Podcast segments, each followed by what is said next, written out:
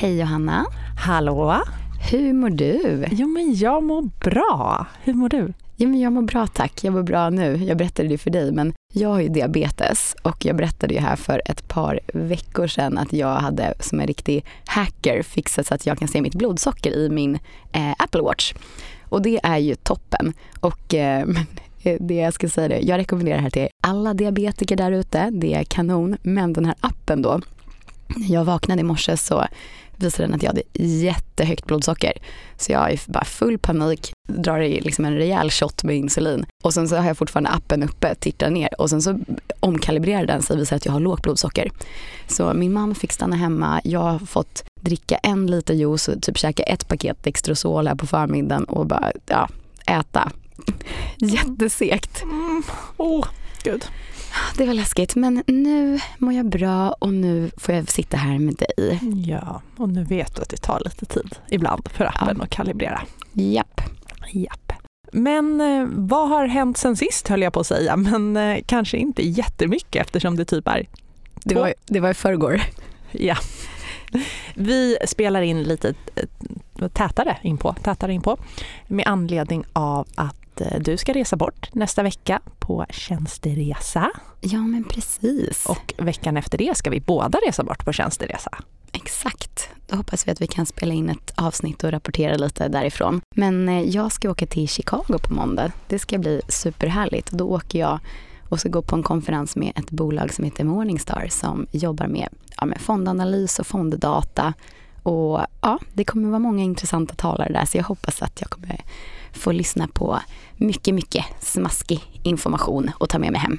Ja, det får du göra och ta med dig till eh, podden. Det, Morningstar är ju lite, vad ska man säga, lite så one of a kind när det gäller fonddata. De... Ja, de, det är de vi får in, ja, men allting som har med fonder att göra. Ja, riktigt kanonbolag. Mm. De har ju bland annat då, som de väl är ganska kända för, det är ju de här stjärnbetygen, eller vad man ska säga, stjärnratingen på fonder. Exakt. En till fem stjärnor beroende på hur väl fonden har haft för riskjusterad avkastning i förhållande till andra fonder i samma kategori de senaste tre eller fem åren. Och fem Precis. stjärnor då bäst och ja, en stjärna, en stjärna obviously inte lika bra. Inte toppen.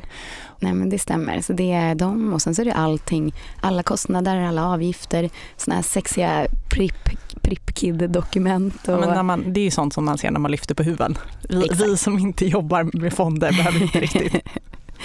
Precis, men sen är det all hållbarhetsdata också som ja. är väldigt intressant som man kan se nu för tiden. Där har vi ju, ja men det är allting från de här globerna till ESG risk score till ja, men vad man har för exkluderingar och hur man jobbar med impact och allt. Och det ja. tror jag får bli ett helt avsnitt för det är en djungel. Ja, det är det. Men redan nu kan man väl säga så här, om man bara vill se någon... Alltså, det vi har på sajt är att man kan gå in under fliken hållbarhet och välja hållbarhetsfokus, ja eller delvis. Men väljer man ja då, då får man de här fonderna som är kategoriserade som artikel 9 enligt ett EU-regelverk, det vill säga ska ha hållbarhet ska ha hållbara investeringar som övergripande mål, alla investeringar i fonden. Det tycker jag är en flik som jag, som jag personligen använder flitigt. Håller du kär? Ja, den håller jag kär. Men som du sa, vi kör ett helt eget avsnitt kring det. Ja, Ja, men även idag då så tänker jag mig ett kortare litet nyhetssvep och om vi plockar upp pucken som vi pratade om sist så Pernod Ricard har faktiskt backat på det här beslutet om att uppta exporten till Ryssland för Absolut Vodka. Och ja, men sent ska syndaren vakna. Jag mm. tycker det har ju redan pajat deras anseende. Det har ju visat liksom hur ryggradslösa de egentligen är och att de backar först när de får enorm kritik och blir bojkottade. Verkligen är det så. Och de har ju inte backat på all den exporten av all, all övrig sprit de äger utan det är ju, verkar ju vara just Absolut Vodka och där kan man ju tänka sig att det kanske var personalen i Sverige som eh, faktiskt sa att men hallå, Ja, men och alla konsumenter i Sverige och alla restauranger som har börjat bojkottat. Jag hörde också att, eh, jag läste någonstans att även leverantörer till Absolut-fabriken, alltså så här vete, liksom ja, bönder, jordbrukare det. sa att nej men ja, vi tänker inte leverera vete, som jag gissar att det är det man gör vodka på, till Åhus och Absolut för att vi, vi vill inte att vårt vete ska gå till Ryssland. Alltså snyggt, så ja. Ja, men det här är väl kanske inte riktigt på temat ekonomi och sparande, men jag läste om paddeldöden. Och det är väl ingen som har missat att under pandemin så ploppade det upp diverse paddelbanor. Jag såg att vid årsskiftet så fanns det 3500 paddelbanor i Sverige. Helt galet. Och det är en dubblering då på två, tre år. Och eh, nu försvinner de i ganska rask takt efter att lite intresset har väl börjat tryta för det där. Och eh, jag tycker det var intressant att se att så här, vad ska man göra med de här lokalerna? Det kommer ju finnas jättemånga stora enorma lokaler som står tomma. Och eh, en lokal i Göteborg har ett solcellsföretag tagit över och använder som lager. Och, eh, ja, det kommer vi säkert se mer av. Jag skulle ju hoppas istället, som vi pratade om häromdagen, att man ser ju ett, eh, ja, vi har ju spelat tennis och eh, där börjar det bli väldigt fullt när man ska boka en bana så kan inte folk bara börja bygga lite tennisbanor istället? Det håller jag helt med om. Förslagsvis på paddelbanorna som ligger 300 meter från mitt hem. Där får det gärna bli tennisbanor istället. Håller med. Ja, och en annan nyhet som har kommit här de senaste dagarna det är i en intervju med Dagens Nyheter så säger den nya Finansinspektion chefen, generaldirektören Daniel Barr, att han öppnar dörren för ett slopat amorteringskrav. Han verkar inte alls vara speciellt förtjust i amorteringskravet. Man införde det för att man ville komma åt svenskarnas skuldsättning som drevs på i en allt snabbare takt. Nu har det mattats ut något, men den är fortfarande väldigt hög i förhållande till andra länder. Men han menar att det här har varit ett trubbigt verktyg för att komma åt skuldsättningen. Det har inte fungerat som tänkt och det finns ju också mycket kritik, jag pratade om det tidigare i podden, eh, från professorer inom ekonomi som säger att det ökar bara, alltså amorteringskravet gör att privatpersoner drar ner sin konsumtion för mycket, vilket spär på en, en lågkonjunktur. Så att det finns en viss kritik och nu, nu var han ganska så pragmatiskt inställd till det och sa att han inte skulle ha några problem alls att slopa det. Det låter ju toppen. Ja, och det är en utredning. Regeringen har ju tillsatt en utredning eh, med expertpersoner då, som ska gå igenom och se över hur effektivt och bra amorteringskravet är och om det borde ha någon framtid eller inte. Men alla ni som nu hoppas att så här, ja men jag slipper amortera från och med årsskiftet eller så. Riktigt så snabbt kommer det ju inte gå utan den här utredningen ska vara klar senast oktober 2024. Så att nästan ett och ett halvt år verkar ja, det, det ju som. Ett litet tag kvar. Nej men och sen så är det väl, har man möjlighet så är det ju bra att amortera. Visst är det så. Och idag är det ju bättre än vad det var för ett år sedan. För idag är ju räntan tre gånger så hög. Och då, då, det är ju som ett räntesparande att amortera. Du amorterar och då minskar du ju dina räntekostnader, dina framtida räntekostnader i och med att du minskar ditt lån. Och idag är ju räntan högre så det, idag blir det liksom en större vinning så att säga. Exakt. Undrar om det också hänger ihop någonting med den före detta eh, eh, chefen för Finansinspektionen eller generaldirektören Erik Thedéen som är på Riksbanken nu. Han vill ju göra en kartläggning kring just eh, svenskars tillgångar och skulder som man har i, jag tror att det var Danmark och Norge. Ja, Um, precis. Där verkar det ju som, det är också någonting som är ute på eh, remiss nu eller ska utredas. Och där är det ju, jag såg att Bankföreningen hade lämnat eh, sitt remissvar häromdagen där de motsatte sig ett sånt superregister på en sån granulär nivå som det här registret skulle ha. Så vi får väl se vad det blir. Och sen de som är motståndare till det pratar ju delvis om att ja, men det finns risker för den personliga integriteten och så om bankerna ska börja dela med sig den här typen av data till Statistiska centralbyrån eller vilka, ja. vilka det nu är som skulle ha hand om det. Och så finns det ju de som pekar på att det skulle vara liksom öppna upp för, eh, göra det väldigt enkelt att återinföra förmögenhetsskatten. Just det, och fy pip. ja, det är väl en skatt som kanske inte alltid får önskad effekt då stora kapitalet alltid kan flytta från Sverige men att Exakt. det blir mer medel, medelklass som inte har möjlighet att flytta sitt kapital som betalar. Just det. Åter till den nya generaldirektören för Finansinspektionen, för i samma artikel i DN så säger han också att Finansinspektionen ska börja publicera fondbolags eller fonders medianavgifter. Så någon slags rapport eller om de ska presentera en gång i halvåret. Han var inte så detaljrik men de ska, Finansinspektionen ska presentera hur är medianavgiften för Sverige-registrerade fonder just nu?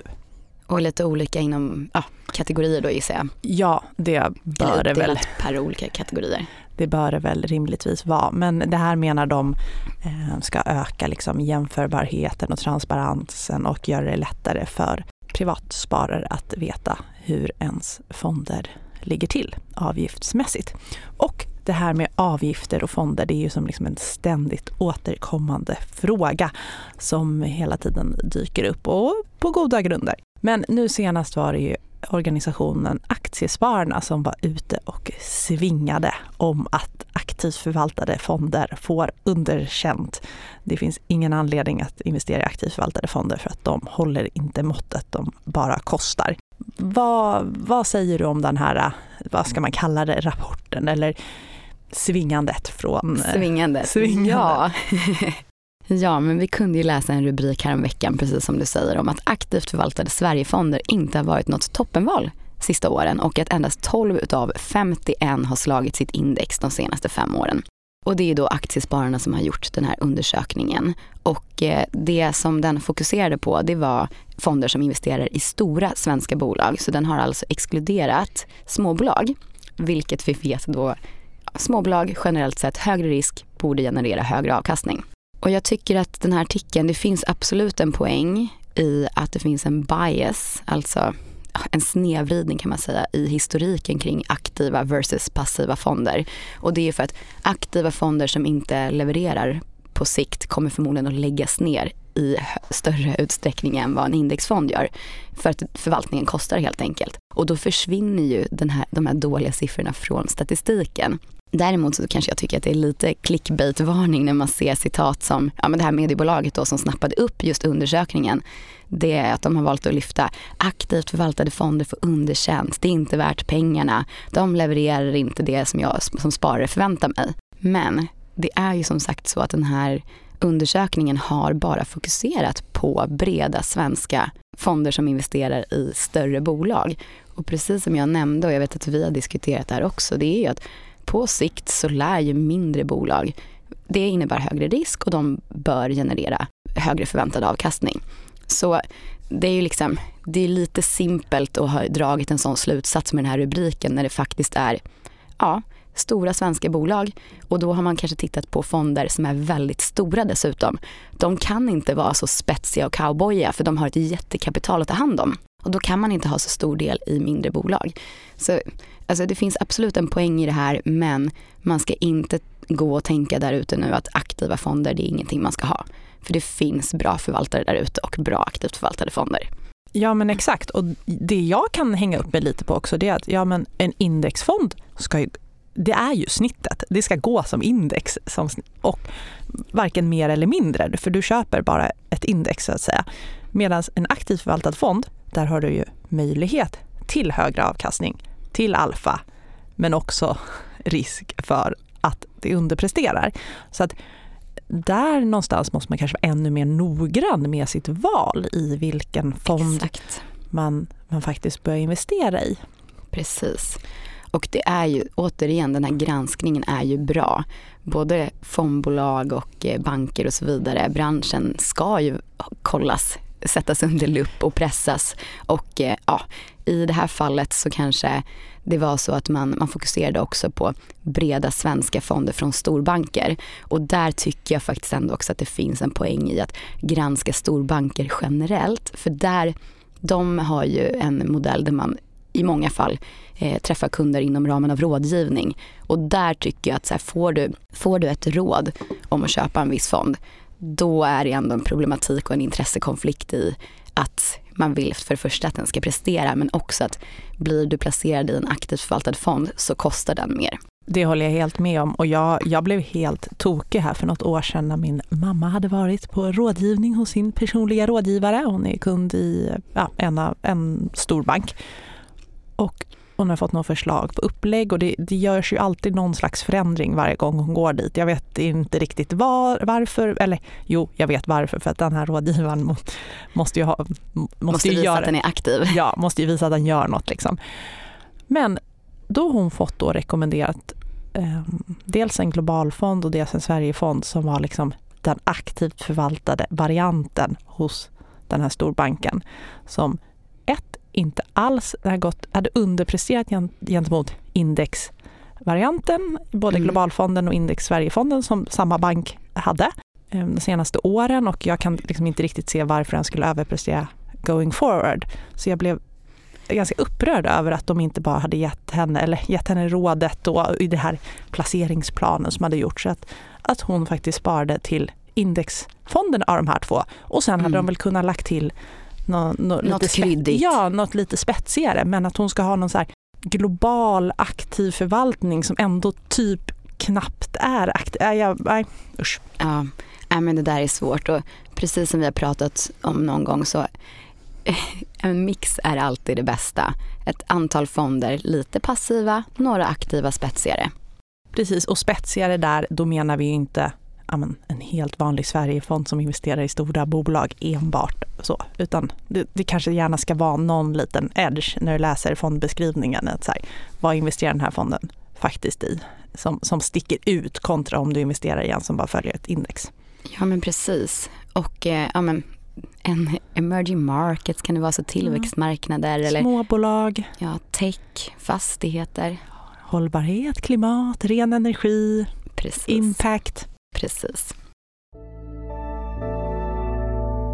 Ja men Johanna, hur, eh, hur många fonder tycker du man ska ha? Hur långt är ett snöre? Alltså, någonstans så kan det ju faktiskt räcka med, med bara en fond om den är tillräckligt bred och fyller funktionen. Jag menar Avanza har de här Avanza Auto där man får en fond utifrån, eller där man väljer en fond utifrån ens eh, riskprofil och eh, sparhorisont. Andra aktörer har liknande upplägg. Ja, så, så blandfonder. Ja. Blandfonder eller liksom mm, enbart aktier då kanske om man skulle ta till exempel Avanza Auto 6 vilket är om du har lång sparhorisont och vill ta, högre, eh, vill ta risk och få en högre förväntad avkastning. Det vill säga om du spelar, eh, investerar på typ 10 års sikt så känns det ju som ett ganska naturligt val. Då kan det ju räcka med då en fond. Men vi tycker att det här är roligt och eh, rent generellt så tror jag väl att det kan vara bra att lägga till en, ett par till fonder lite spetsigare för att få Ja men exakt, så, en spridning. Ja, för att få en spridning och få den exponering man söker. Men med det sagt, det räcker med, det räcker med en fond så länge den är korrekt för dig så att säga. Jag kikade lite på hur många fonder jag har för det har ju varierat lite genom åren. Men, ja men så förstås. Ja, idag har jag, har jag sex olika fonder. Jag har en blandning mellan aktivt och passivt förvaltade och även en fond som har en prestationsbaserad avgift. Så att när jag tittar på den här mm total avgift så ser det ganska högt ut. Ja, då ser det ganska högt ut. Nu har jag i och för sig inte gjort det på ett tag. Det här senaste året när börsen har gått ner har jag inte kollat lika mycket. Men året innan när det hade varit något så här kanonår, då, då var den ju på ganska många procent. Men fonden hade ju presterat också. Ja, och det det innebär är ju att de flesta fonder har enbart en fast förvaltningsavgift och det är det som dras varje dag. Sen så finns det fonder som har då en rörlig avgift eller en performance fee kan det också kallas, eller prestationsbaserad. Och då innebär det att slår man sitt index, man har liksom bestämt i fondbestämmelserna vilken nivå det ska vara på. Och då kan det vara rätt vanligt faktiskt att man tar hela 20% av den extra avkastningen. Det är ganska, ganska mastigt. Det är ganska mastigt, men eh, ja, ja, å andra sidan har du fått allt alfa. Men helt klart mastigt. Men de flesta av mina fonder är då ändå aktivt förvaltade. Men den, jag har störst totalsumma, eller liksom den fonden som har enskilt mest pengar i sig. Inte för att det är några förmögenheter, men det är en passivt förvaltad fond. Ja. Så att, eh, ja men lite... Bra mix. Ja, det är en global fond som verkligen spread the, spread the money. Ja, det är superbra. Ja, och sen har jag eh, en hel del fokuserade på impact och ren energi och klimat. Just det. Ja, och den här veckan igen så har vi tagit lite hjälp utav branschkollegor där ute ännu en gång. Och eh, du har djupdykt i en förvaltarundersökning från Bank of America. Mm. Bank of America Merrill Lynch har en, eh, de gör återkommande en stor förvaltarenkät där de frågar ett hundratal globala liksom, storinvesterare, de som förvaltar mest pengar i världen gissar jag, Eh, kring deras syn på börsen, riskvilja och vad de ser för investeringsmöjligheter framåt. Och den här undersökningen den brukar plockas upp förtjänstfullt av Per Ståhl på Placera. Den här senaste enkäten då, den genomfördes i början av april, så relativt nyligen.